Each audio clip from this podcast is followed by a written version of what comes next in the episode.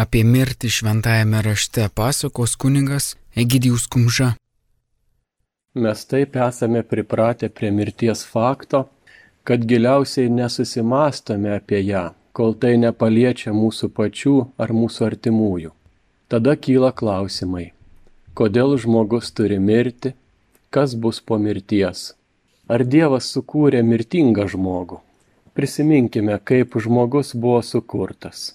Pradžios knygoje antrame skyriuje rašoma Tuomet viešpats Dievas padarė žmogų iš žemės dulkių ir įkvėpė jam išnervęs gyvybės alsavimą. Taip žmogus tapo gyva būtybė. Gyva būtybė reiškia nemirštanti. Žmogus toks nemirštantis ir turėjo likti per visus tolimesnius amžius. Žmogų Dievas sukūrė skirtingai nuo visų kitų žemės kūrinių. Medžiaga buvo panaudota žemės elementai - dulkis. Gyvybė Dievas įkvėpė asmeniškai, išnervęs, įkvėpė savo gyvybės alsavimą. Šitas kūno ir gyvybės junginys pavadinamas gyva būtybė. Šita žmogiška gyva būtybė turėjo gyventi amžinai Dievas nesukūrė mirties ar mirtingo žmogaus. Mirtis žmogų palėtė per šetono klastą. Žmogus, kaip gyva būtybė, tai iš žemės dulkių sukurtas kūnas ir gyvybės alsavimas. Sukūręs žmogų Dievas jam davė saugaus naudojimo instrukciją. Sąlyga saugiam naudojimui buvo viena Nuo visų sodo medžių tau leista valgyti, bet nuo gero bei pikto pažinimo medžio tau neleista valgyti, nes kai tik nuo jo užvalgysi, turėsi mirti. Pradžios knyga antras skyrius 16-17 eilutės. Reiškia viską vartoti saugu, valgyti nuo uždraustojo medžio nevalia, nes laukia mirtis. Prisimename, kas toliau vyko. Pirmieji žmonės nesunkiai pasidavė šetono apgauliai ir paragavo uždraustojo medžio vaisiaus. Tada Dievas pasakė žmogui, savo veidę prakaitų valgysi duoną, kol sugrįši žemėn, nes iš jos buvai paimtas, juk dulkėsi ir į dulkę sugrįši. Pradžios knyga, trečias skyrius, 19 eilutė. Nors žmogus sukurtas panašus į Dievą, jo prigimtis skiriasi nuo dieviškosios. Dievas turi savyje savybę amžinai gyventi ir yra nepriklausomas nuo kitų. Jis gyvybę gali suteikti savo sukurtoms būtybėms. Žmogus gyvybę gavo iš Dievo. Jis yra priklausomas. Taigi galimybę amžinai gyventi žmogus prarado nepaklusnumu Dievo įsakymui, kas pasireiškė uždraustojo vaisiaus paragavimu. Žmogus tapo mirtingas. Taigi faktas, kad visi mirsime, neginčiamas. Klausimas išlieka, kas su žmogum vyksta jam mirus. Pažvelkime į keletą rašto vietų, kuriuose kalbama apie žmogaus būseną jam mirus. Žmogus gimęs iš moters, gyvena trumpai, bet turi daug vargo, pražįsta kaip gėlė ir nuvysta, praskuba tarsi šešėlis ir nesustoja. Taip rašoma Jobo knygoje 14 skyriuje. Saliamonas rašo, juk gyvieji žino, kad turės mirti, o mirusieji nebežino nieko. Nebėra jiems daugiau atlygio, net jų atminimas užmirštas. Jų meilė, neapykanta, pavydas jau seniai pradingo. Niekada daugiau jie nebeturės dalies tame, kas vyksta po saulę. Visa, ką tik tavo ranka ima daryti, daryk visomis jėgomis, nes jokios veiklos, jokių sumanimų, jokio išmanimo, jokios išminties nebebus šiaule, kape, į kurį esi pakeliui. Rašoma Koheleto knygoje devintam skyriuje.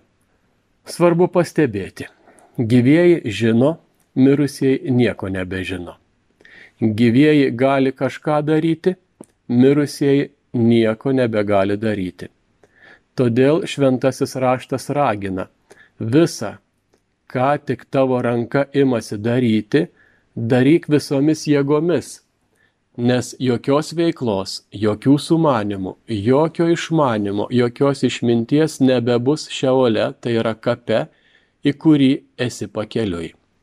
Jeigu mirusieji nieko nebežino ir nieko nebegali veikti, kaip tada jie galėtų po mirties mėgautis palaima rojuje arba kesti kančias pragare ar skaistykloje. Dovydas išsklaido tokias mintis. 115 psalmėje matome, nemirusieji išlovina viešpati, ne tie, kurie nužengia į tylos buveinę, mes gyvieji garbinsime tave dabar ir per amžius. Jeigu mirusieji to negali padaryti, tai gyvieji turi galimybę tai padaryti dvigubai šiame gyvenime ir po prisikelimo. Mirties laikas tai pauzė tiek darbams, tiek garbinimui, nes jokios veiklos, jokių sumanimų, jokio išmanimų, jokios išminties nebebus šiaule kape į kuriesi pakeliui ta pati mintis užrašyta ir kitoje Biblijos knygoje. Izaijo knygos 38 skyriuje. Juk šiaule kape niekas tau nedėkoja. Nemirtis tavęs nešlovina. Kas eina į gilėją duobę, tas nebesitikė tavo gerumo. Gyvasis, tik tai gyvasis tau dėkoja, kaip šiandien, kad aš darau. Šita mirties pauzė šventajame rašte dažnai vadinama miegu. Ši mirtis nėra galutinė. Dievas žada pažadinti savo žmonės tolimesniam gyvenimui. Kartą, kai mirė vienas iš Jėzaus artimiausių draugų, Jėzus tai pavadino miegu. Prisiminkime Lozoriaus istoriją. Jėzus sakė, mūsų draugas Lozorius užmygo bet aš eisiu jo pažadinti. Pamatęs, kad jo mokiniai Jėzaus žodžius palaikė tikrovę, Lozorius užmygo, reiškia, jam jau geriau ir jis pasveiks, Jėzus paaiškino, Lozorius mirė. Ta istorija galime paskaityti Jono Evangelijoje 11 skyriuje. Jėzus rengėsi prikelti Lozorių iš mirties miego netrukus tą ir padarė. Jėzus atėjo prie Lozoriaus kapo, kur pastarasis jau praleido keturias dienas ir iškvietė Lozorių gyvenimui. Jis ramiai miegojo kape, kaip ir tikėjosi jo seserys Marija ir Morta. Aš žinau, pareiškė Morta, jog jis prisikels paskutinę dieną mirusiems keliantis. Jono Evangelijos 11 skyrius 24 eilutė. Štai kuo tikėjo Jėzaus mokiniai, štai kuo tikėjo ir mirdamas Lozarius. Prisikelti paskutinėje dieną, mirusiems keliantis. Tačiau Jėzus Lozariaus prikelimu norėjo kai ką daugiau pasakyti. Jėzus tarė, aš esu prisikelimas ir gyvenimas, kas tiki mane, nors ir numirtų, bus gyvas. Ir kiekvienas, kuris gyvena ir tiki mane, neragaus mirties per amžius. Evangelijoje pagal Jono 11 skyrius 25 eilutė. Tokią viltį, prisikelimą pasaulio pabaigos metu turėjo visų amžių Dievo žmonės. Dar gilioje senovėje Jobas rašė, juk aš žinau, kad mano atpirkėjas gyvas. Galų gale jis pakils kaip liudytojas žemėje, net kai lyga jau bus suėdusi mano odą, dar savo kūnę regėsiu Dievą, aš pats jį regėsiu akimis savo, o ne kito. To trokšta širdis mano krūtinėje. Jobo knygos 19 skyrius 25-27 eilutės. Kadangi Dievas nesukūrė mirties, jam į jo panašumą sukurto žmogaus mirtis taip pat neteikia malonumo. Dievas kiekvienam žmogui per Kristų yra pažadėjęs amžinai gyvenimą su juo po prikelimo. Dievas trokšta, kad ne vienas žmogus nežūtų. Dievas trokšta, kad visi žmonės būtų išganyti ir pasiektų tiesos pažinimą. Apaštalas Paulius sako, man gyvenimas Kristus, o mirtis tik laimėjimas. Laiškė filipiečiams. Apaštalas teigia, kad tikinčiam žmogui mirtis nėra pats baisiausias išgyvenimas. Kartais tai net išlaisvinimas iš nepakeliamų kančių. Baisiausia yra mirtis be vilties, be Kristaus. Mes norime, broliai, kad jūs žinotumėte tiesą apie užmiegančiuosius ir nenusimintumėte kaip tie, kurie neturi vilties.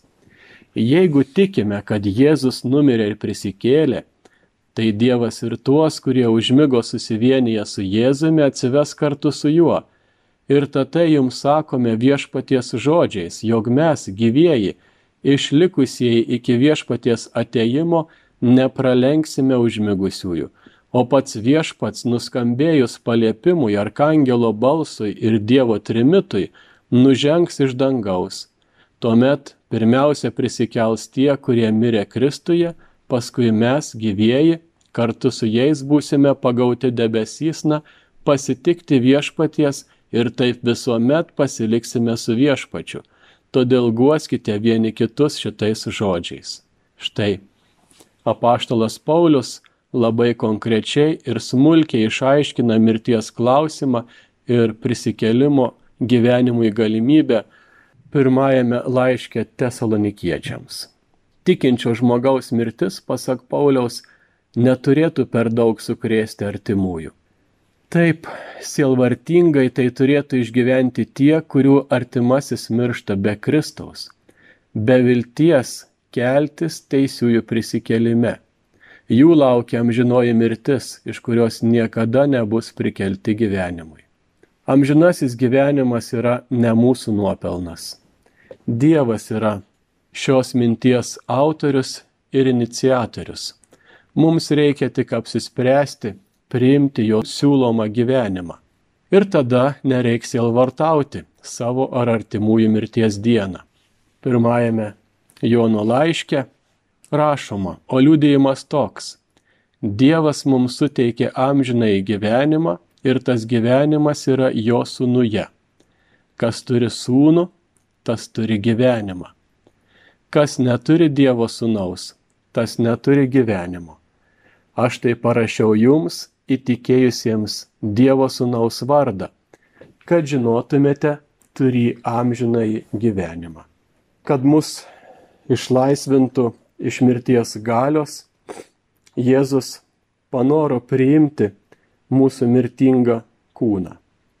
Jo mirtis nebuvo atsitiktinumas pranašavo apie ją savo mokiniams, kad apsaugotų nuo papiktinimo, koks galėjo juose sukilti. Jis troško tos mirties, kaip krikšto, panardinančio jį į pragarų vandenis.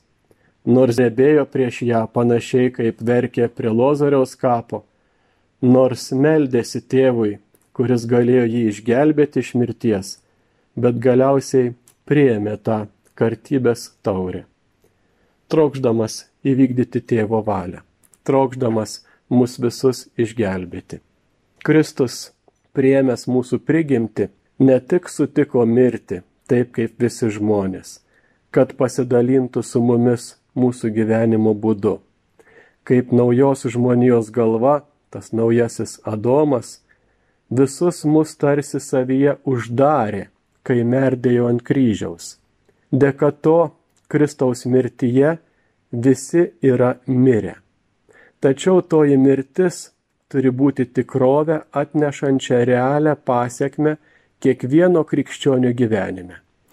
Tokia yra prasmė krikšto, kurio sakramentinis vaisingumas sujungia mus su Kristumi ant kryžiaus.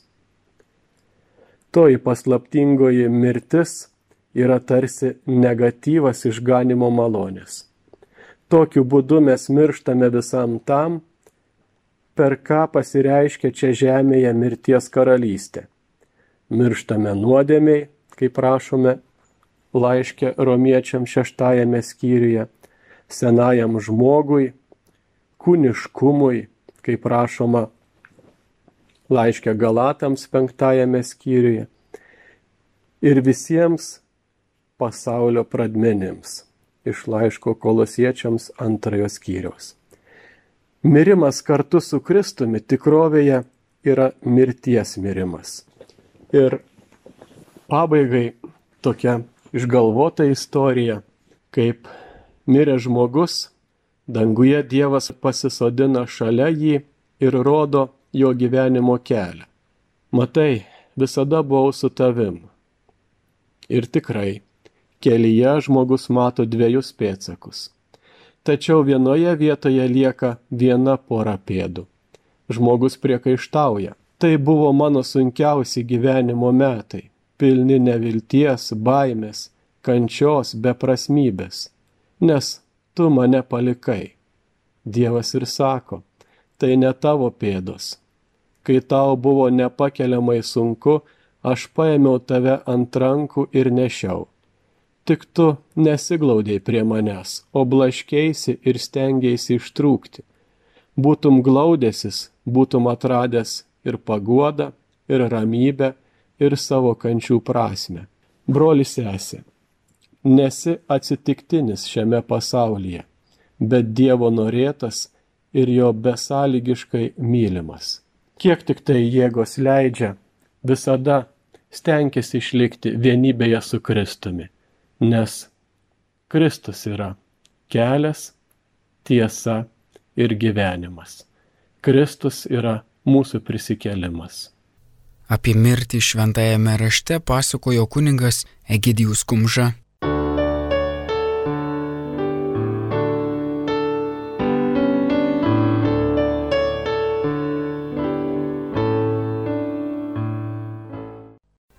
Iš popiežiaus pranciškaus katechezių apie viltį mirties akistatoje. Pirma. Tarp mūsų bendrai paplitęs klaidingas požiūris į mirtį. Mirtis ištinka mus visur. Ji kelia mums rimtus klausimus, ypač kai paliečia mus iš arti, pasiglemžia mažuosius, negalinčius apsiginti ir mums tai atrodo skandalinga. Mane visada sukreisdavo klausimas, kodėl vaikai kenčia kodėl vaikai miršta. Jei į mirtį žvelgiame kaip į visko pabaigą, ji mus gazdina, kelia mums siaubą, tampa grėsme, greunančia visas svajonės, visas perspektyvas, ji suardo visus ryšius ir nutraukia kelionę. Taip atsitinka, jei gyvenimą suvokiame tik kaip laiko tarpsnį tarp dviejų polių - gimimo ir mirties kai netikime platesnių akiračių pranauksančių dabartinį gyvenimą, jei gyvename taip, tarsi Dievo nebūtų. Tokia mirties samprata būdinga ateizmui, suvokiančiam egzistenciją kaip atsitiktinį buvimą pasaulyje ir keliavimą nebūties link. Yra ir praktinis ateizmas, kai žmogus gyvena tik dėl savo interesų, tik dėl žemiškų dalykų. Jei leidžiamės užvaldomi tokios klaidingos mirties sampratos, mums nelieka nieko kito, kaip nuslėpti mirtį, ją neikti ar banalizuoti, kad ji mūsų negazdintų. Antra. Tačiau prieš tokį apgaulingą sprendimą maištauja žmogaus širdis, mūsų visų turimas begalybės lūkestis, amžinybės ilgesys. Tad kokia yra krikščioniška mirties prasme? Žvelgdami į skaudžiausias mūsų gyvenimo akimirkas, į artimų žmonių, tėvų, brolio, sesers, sutuoktinio, vaiko, draugo mirtį, jaučiame, kad netgi netekties dramos akivaizdoje, net patiriant išsiskyrimo skausmą širdyje, kyla įsitikinimas, jog viskas negali baigtis, kad dovanotas ir gautas gėris nebuvo beprasmis turime galingą instinktą, bylojantį mums, kad mūsų gyvenimas nesibaigia mirtimi. Tikras ir patikimas atsakymas į šį mumise glūdinti gyvybės troškimą yra Jėzaus Kristaus prisikėlimas. Jėzaus prisikėlimas ne tik laiduoja gyvenimą po mirties, bet ir nušviečia kiekvieno iš mūsų laukiančios mirties slėpinį. Bažnyčia meldžiasi Nors liūdina mūsų mirties būtinumas, bet paguodžia žadėtasis nemarumas. Kokia graži ši bažnyčios malda. Žmogus paprastai miršta taip, kaip gyveno. Jei mano gyvenimas buvo kelionė su viešpačiu, pasitikint jo begaliniu gailestingumu, tuomet būsiu pasirengęs paskutinį šios žemiškosios būties momentą priimti kaip galutinį pasitikėjimo kupiną atsidavimą į jo mylinčias rankas, laukdamas, kad galėčiau veidų į veidą kontempliuoti jo veidą. Tai pats gražiausias dalykas, koks mums gali nutikti - veidų į veidą kontempliuoti nuostabų viešpaties veidą matyti jį tokį, koks jis yra - gražų, kupina šviesos, meilės ir švelnumo. Tai mūsų galutinis tikslas - regėti viešpatį. Trečia. Šiuo požiūriu suprantame Jėzaus kvietimą būti visuomet pasirengusiems budriems, žinant, kad gyvenimas šiame pasaulyje mums duotas taip pat tam, kad pasirengtume būsimajam gyvenimui pas dangišką į tėvą tam yra patikimas kelias - gerai pasirenkti mirčiai, išliekant arti Jėzaus. Štai tikrumas. Ruošiuosi mirčiai laikydamasis arti Jėzaus. O kaip išlikti arti Jėzaus? Per maldą, sakramentus, vykdant artimo meilę. Prisiminkime, kad Jėzus yra silpniausiuose ir labiausiai stokojančiuose Jis su jais susitapatino garsiajame palyginime apie paskutinį teismą. Buvau išalkęs ir jūs mane pavalgydinote, buvau ištroškęs ir mane pagirdėte, buvau keleivis ir mane priglaudėte, buvau nuogas, mane aprengėte, ligonis, mane aplankėte, kalinys, atėjote pas mane. Kiek kartų tai padarėte vienam iš šitų mažiausiųjų mano brolių, man padarėte. Patikimas kelias yra iš naujo atrasti krikščioniškosios meilės ir broliško dalyjimosi prasme, rūpintis savo artimo kūno ir dvasios žaizdomis. Solidarumas, dalyjantis kančia ir teikiant viltį, yra prielaida ir sąlyga, laiduojanti mums parengtos karalystės paveldą. Kas vykdo galestingumą, nebijo mirties. Ar sutinkate? Gerai pagalvokite, kas vykdo gailestingumą, nebijo mirties. O kodėl nebijo mirties? Nes jis žvelgia mirčiai į akis savo brolio žaizduose ir ją įveikia Jėzaus Kristaus meilę. Jei atversime savo gyvenimo ir širdies vartus mažiausiems mūsų broliams, mūsų mirtis taip pat taps vartais į dangų, į palaimintąją tėvynę į kurią keliaujame trokšdami joje amžinai gyventi su Dievu, mūsų tėvu, su Jėzumi, su mergele Marija ir šventaisiais. Tikėjimo išpažinime kartuojame žodžius. Kaip šventajame rašte išpranašauta, trečiąją dieną prisikėlė iš numirusių. Mes kaip tik ir švenčiame šį įvykį - Jėzaus prisikėlimą, svarbiausia krikščionybės naujiena, skelbiama nuo pat pradžių kad ji pasiektų ir mus. Šventasis Paulius rašo Korinto krikščionims. Pirmiausia, aš jums perdaviau, ką esu gavęs. Būtent, Kristus numirė už mūsų nuodėmės, kaip skelbė raštai. Jis buvo palaidotas ir buvo prikeltas trečiąją dieną, kaip skelbė raštai. Jis pasirodė kefui, paskui dvylikai. Šis trumpas tikėjimo išpažinimas skelbia būtent Velykų slėpinį ir prisikėlusio Kristaus pirmąjį pasirodymą Petrui ir dvylikai. Jėzaus mirtis ir prisikėlimas yra mūsų vilties šerdis. Be tikėjimo Jėzaus mirtimi ir prisikėlimu mūsų viltis bus silpna, tai net nebus viltis. Būtent Jėzaus mirtis ir prisikėlimas yra mūsų vilties šerdis. Apaštalas sako, jei Kristus nebuvo prikeltas, tai jūsų tikėjimas tuščias. Deja, dažnai būdavo bandoma silpninti tikėjimą Jėzaus prisikėlimu, tarp tikinčiųjų taip pat kildavo abejonių. Tai, kaip sakoma, nerimtas tikėjimas, jis nėra tvirtas. Taip yra dėl paviršutiniškumo, kartais dėl abejingumo, nes žmonės užsiemė tūkstančiais kitų dalykų, kuriuos laiko svarbesniais už tikėjimą, taip pat dėl išskirtinai horizontalaus požiūrio į gyvenimą. Tačiau būtent prisikėlimas atveria mus didesniai vilčiai, nes atveria mūsų ir pasaulio gyvenimą amžinajai Dievo ateičiai, pilnutiniai laimiai, tikrumui, kad blogis, nuodėmė, mirtis gali būti nugalėti. Tai leidžia su didesniu pasitikėjimu išgyventi kasdienius dalykus, imtis jų drąsiai ir įsipareigojant. Kristaus prisikėlimas nauja šviesa nušviečia tuos kasdienius dalykus. Kristaus prisikėlimas yra mūsų stiprybė. Kaip mums buvo perduota tikėjimo tiesa apie Kristaus prisikėlimą? Naujajame testamente esame dviejų liūdėjimų rūšių Kai kurie jų yra tikėjimo išpažinimo formos, tai sintetinės formuluotės, nurodančios tikėjimo esmę, kiti pateikiami kaip pasakojimai apie prisikelimą ir su tuo įvykiu susijusius faktus. Pirmoji tikėjimo išpažinimo forma, pavyzdžiui, yra mūsų girdėtame skaitinėje arba laiške romiečiams, kur šventasis Paulius rašo, Jeigu lūpomis išpažinsi viešpati Jėzų ir širdimi tikėsi, kad Dievas jį prikėlė iš numirusių, būsi išgelbėtas. Nuo pat bažnyčios pradžios tikėjimas Jėzaus mirties ir prisikėlimo tiesa yra tvirtas ir aiškus. Tačiau šiandien norėčiau atkreipti dėmesį į Evangelijoje aptinkamus pasakojimo formos liudijimus.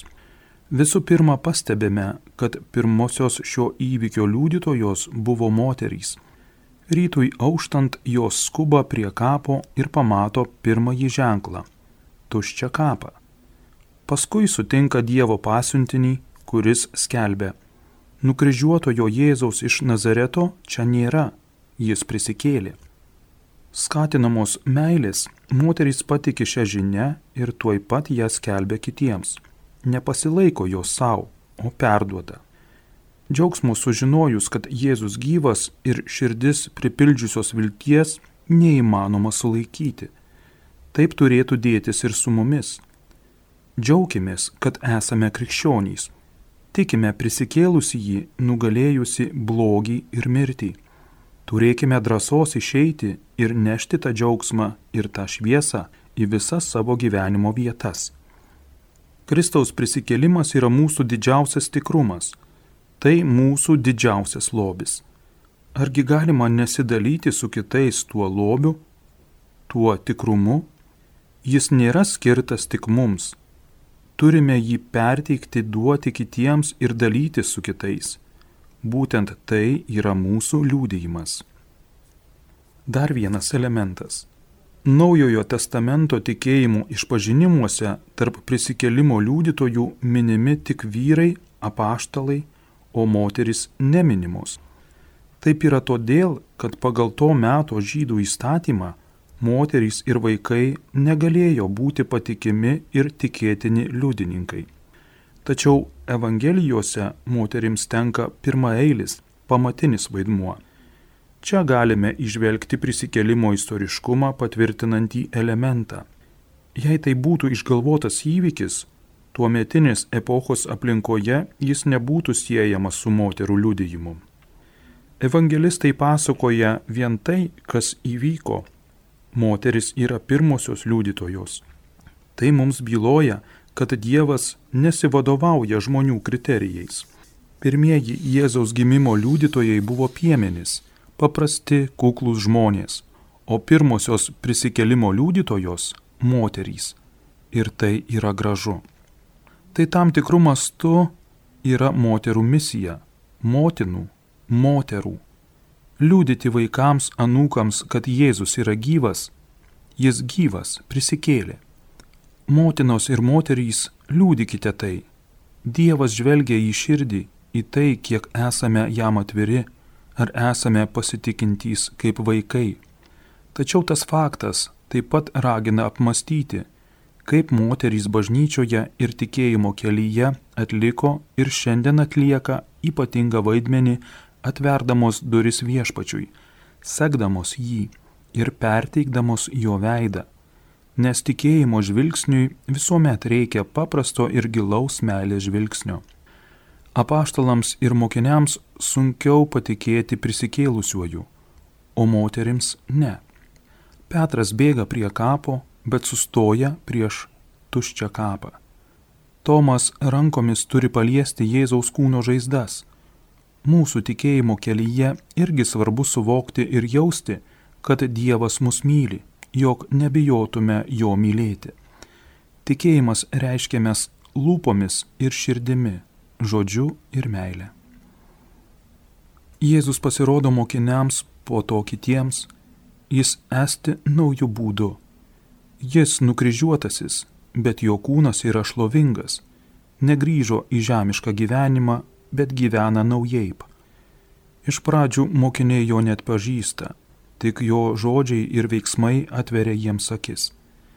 Susitikimas su prisikėlusiuoju perkeičia juos, sutvirtina jų tikėjimą, tampa neišjudinamų tikėjimo pagrindu. Ir mums duota daug ženklų, pagal kuriuos galime atpažinti prisikėlusį jį. Šventasis raštas, Euharistija ir kiti sakramentai, artimo meilė, vis meilės gestai, iš kurių spinduliuoja prisikėlusiojo šviesa. Leiskime, kad mus nušviestų Kristaus prisikėlimas, kad mus perkeistų jo gale, kad pasaulyje taip pat per mus mirties ženklai užleistų vietą gyvybės ženklams. Mačiau aikštėje daug jaunuolių. Štai jie. Sakau jums, skelbkite tą tikrovę. Viešpats yra gyvas ir eina su mumis per gyvenimą tokia jūsų misija. Skelbkite šią viltį, būkite įsitvirtinę šioje viltyje. Šios vilties inkaras yra danguje. Laikykitės įsikibę šio inkaro lyno, būkite įsitvirtinę ir skelbkite viltį. Jūs esate Jėzaus liudytojai. Liūdikite, kad Jėzus yra gyvas ir tai duoda mums viltį. Viltį šiam pasauliui, kuris kiek paseno dėl karų, blogio ir nuodėmės. Reikėtų krikščioniškąją viltį prieš priešinti mirties tikroviai, kurią šiandienos civilizacija vis labiau siekia išdildyti. Kai mirtis artinasi prie artimųjų ar mūsų pačių, pasirodo, kad esame nepasirengę, nemokame net tinkamos abecėlės suformuluoti prasmingus žodžius apie šį išliekantį slėpinį. Jis persmelkia pirmuosius žmonių civilizacijos pėtsakus. Galime sakyti, kad žmonija nuo pradžios lydėjo mirusiųjų kultas. Kitos prieš mus buvusios civilizacijos turėjo drąsos pažvelgti mirčiai į akis. Tai buvo įvykis, kurį vyresnieji pasakodavo jaunai kartai. Neišvengiama tikrovė, įpareigojanti žmogų gyventi dėl absoliutaus idealo. Psalmėje recituojama Mokyk tad mus skaičiuoti savo dienas, kad įgytume išmintingą širdį. Savo dienų skaičiavimas padaro širdį išmintingą. Šie žodžiai mus gražina į sveiką realizmą ir nuveja visą galybės iliuziją. Kas mes esame? Esame trapus, beveik niekas, sakoma kitoje psalmėje. Mūsų dienos greitai praeina Net jei gyventume šimtą metų, galiausiai visa tai atrodo tarsi vienas atokvėpis. Dažnai girdime vyresnius žmonės sakant, mano gyvenimas praėjo kaip akimirka. Taigi mirtis apnuogina mūsų gyvenimą. Ji leidžia suvokti, kad puikybės, pykčio ir neapykantos aktai buvo visiškai veltui, visiška tuštybė. Su gaileščiu suvokiame, kad nepakankamai mylėjome, kad nesiekėme to, kas esminga. Kita vertus, matome, kad pasėjome tikrai gerų dalykų - tai meilės ryšiai, dėl kurių aukojomės ir kurie dabar mus vedasi už rankos. Jėzus nušvietė mūsų mirties liepinį. Savo pavyzdžių jis leidžia mums gedėti mirus artimam žmogui. Jis labai susigaudino ir susijaudino, prie savo bičiulio Lozoriaus kapo ir pravirko. Iš tokio Jėzaus elgesio pajuntame jį kaip labai artimą mūsų brolį. Jis verkė savo bičiulio Lozoriaus. Tada Jėzus meldžiasi tėvui, iš kurio kyla gyvybė, ir įsako Lozoriui išeiti iš kapo. Ir tai įvyksta. Krikščioniškoji viltis kyla iš Jėzaus nuostatos žmogaus mirties atžvilgių. Jei mirtis egzistuoja kūrinyjoje, vis dėlto ji yra tarsi randas, iškreipiantis Dievo meilės planą, o išganytojas nori tai išgydyti. Kitoje vietoje Evangelijoje pasakojama apie tėvą, kurio dukrelė labai serga, ir jis su tikėjimu maldauja Jėzaus ją išgelbėti. Nėra labiau jaudinančio vaizdo, kaip tėvas ar motina su sergančiu vaiku. Jėzus tuoj pat nuėjo su tuo žmogumi vardu Jairas. Po kurio laiko kažkas ateina iš Jairo namų ir sako, kad mergaitė jau mirė ir nėra prasmės trukdyti mokytoją. Bet Jėzus sako Jairui, nenusigask, vien tikėk. Jėzus žino, kad šis žmogus patiria pagundą reaguoti pykčiu ir nusivylimu, nes mergaitė mirė, o jis siūlo Jairui išlaikyti širdyje teberusenančią tikėjimo liepsnelę. Nenusigask, vien tikėk. Nebijok, tik išlaikyk tą liepsną degančią. Tuomet atvykęs į jo namus, jis pažadins mergaitę iš mirusių ir gražins ją gyvą jos artimiesiems. Jėzus mus pastato ant šios tikėjimo keteros. Mortai, verkiančiai dėl mirusio brolio Lozoriaus, jis prieš priešina tikėjimo tiesos šviesą. Aš esu prisikėlimas ir gyvenimas. Kas tiki mane, nors ir numirtų, bus gyvas. Tai Jėzus kartoja kiekvienam iš mūsų kas kart, kai mirtis ateina suplėšyti mūsų gyvenimo audinio ir meilės ryšių. Visa mūsų egzistencija yra tarp tikėjimo įkalnės ir baimės bedugnės. Jėzus sako, aš nesu mirtis, aš esu prisikelimas ir gyvenimas. Ar tai tiki? Ar tu tiki tuo? Ar mes susirinkę šioje aikštėje tikime? Mes visi mirties lėpinio akivaizdoje esame maži ir beginkliai. Tačiau kokia malonė, jei tuo momentu širdyje išlaikome mažą tikėjimo liepsnelę. Jėzus paims mūsų už rankos, kaip Jairo dukterį, ir dar kartą pakartos - Talita, kum. Mergaitė, sakau tau, kelkis. Jis tai pakartos mums, kiekvienam iš mūsų. Kelkis, prisikelk. Dabar kviečiu jūs užsimerkti ir pamastyti apie savo mirties momentą. Kiekvienas pagalvokime apie savo mirtį ir įsivaizduokime, kad ateis momentas, kai Jėzus paims mūsų už rankos ir ištars. Eikš, einam su manimi, kelkis. Ten viltis pasibaigs ir įsigalios tikrovė, gyvenimo tikrovė. Gerai įsimastykime, pats Jėzus ateis prie kiekvieno iš mūsų, paims už rankos švelniai, romiai, su meile. Kiekvienas kartokime Jėzaus žodžius savo širdyje. Kelkis, eikš, kelkis, eikš, kelkis, prisikelk. Tokia mūsų viltis mirties akivaizdoje. Tikinčiajam tai plačiai atvertos durys abejojančiam šviesos spindulys prasiskverbiantis pro plyšį. Tačiau mums visiems tai bus malonė, kai mus apšvies ši susitikimo su Jėzumi šviesa. Popiežius Pranciškus Iš popiežiaus Pranciškaus katechezių apie viltį mirties akistatoje. Skaitė Mindaugas Zimkus.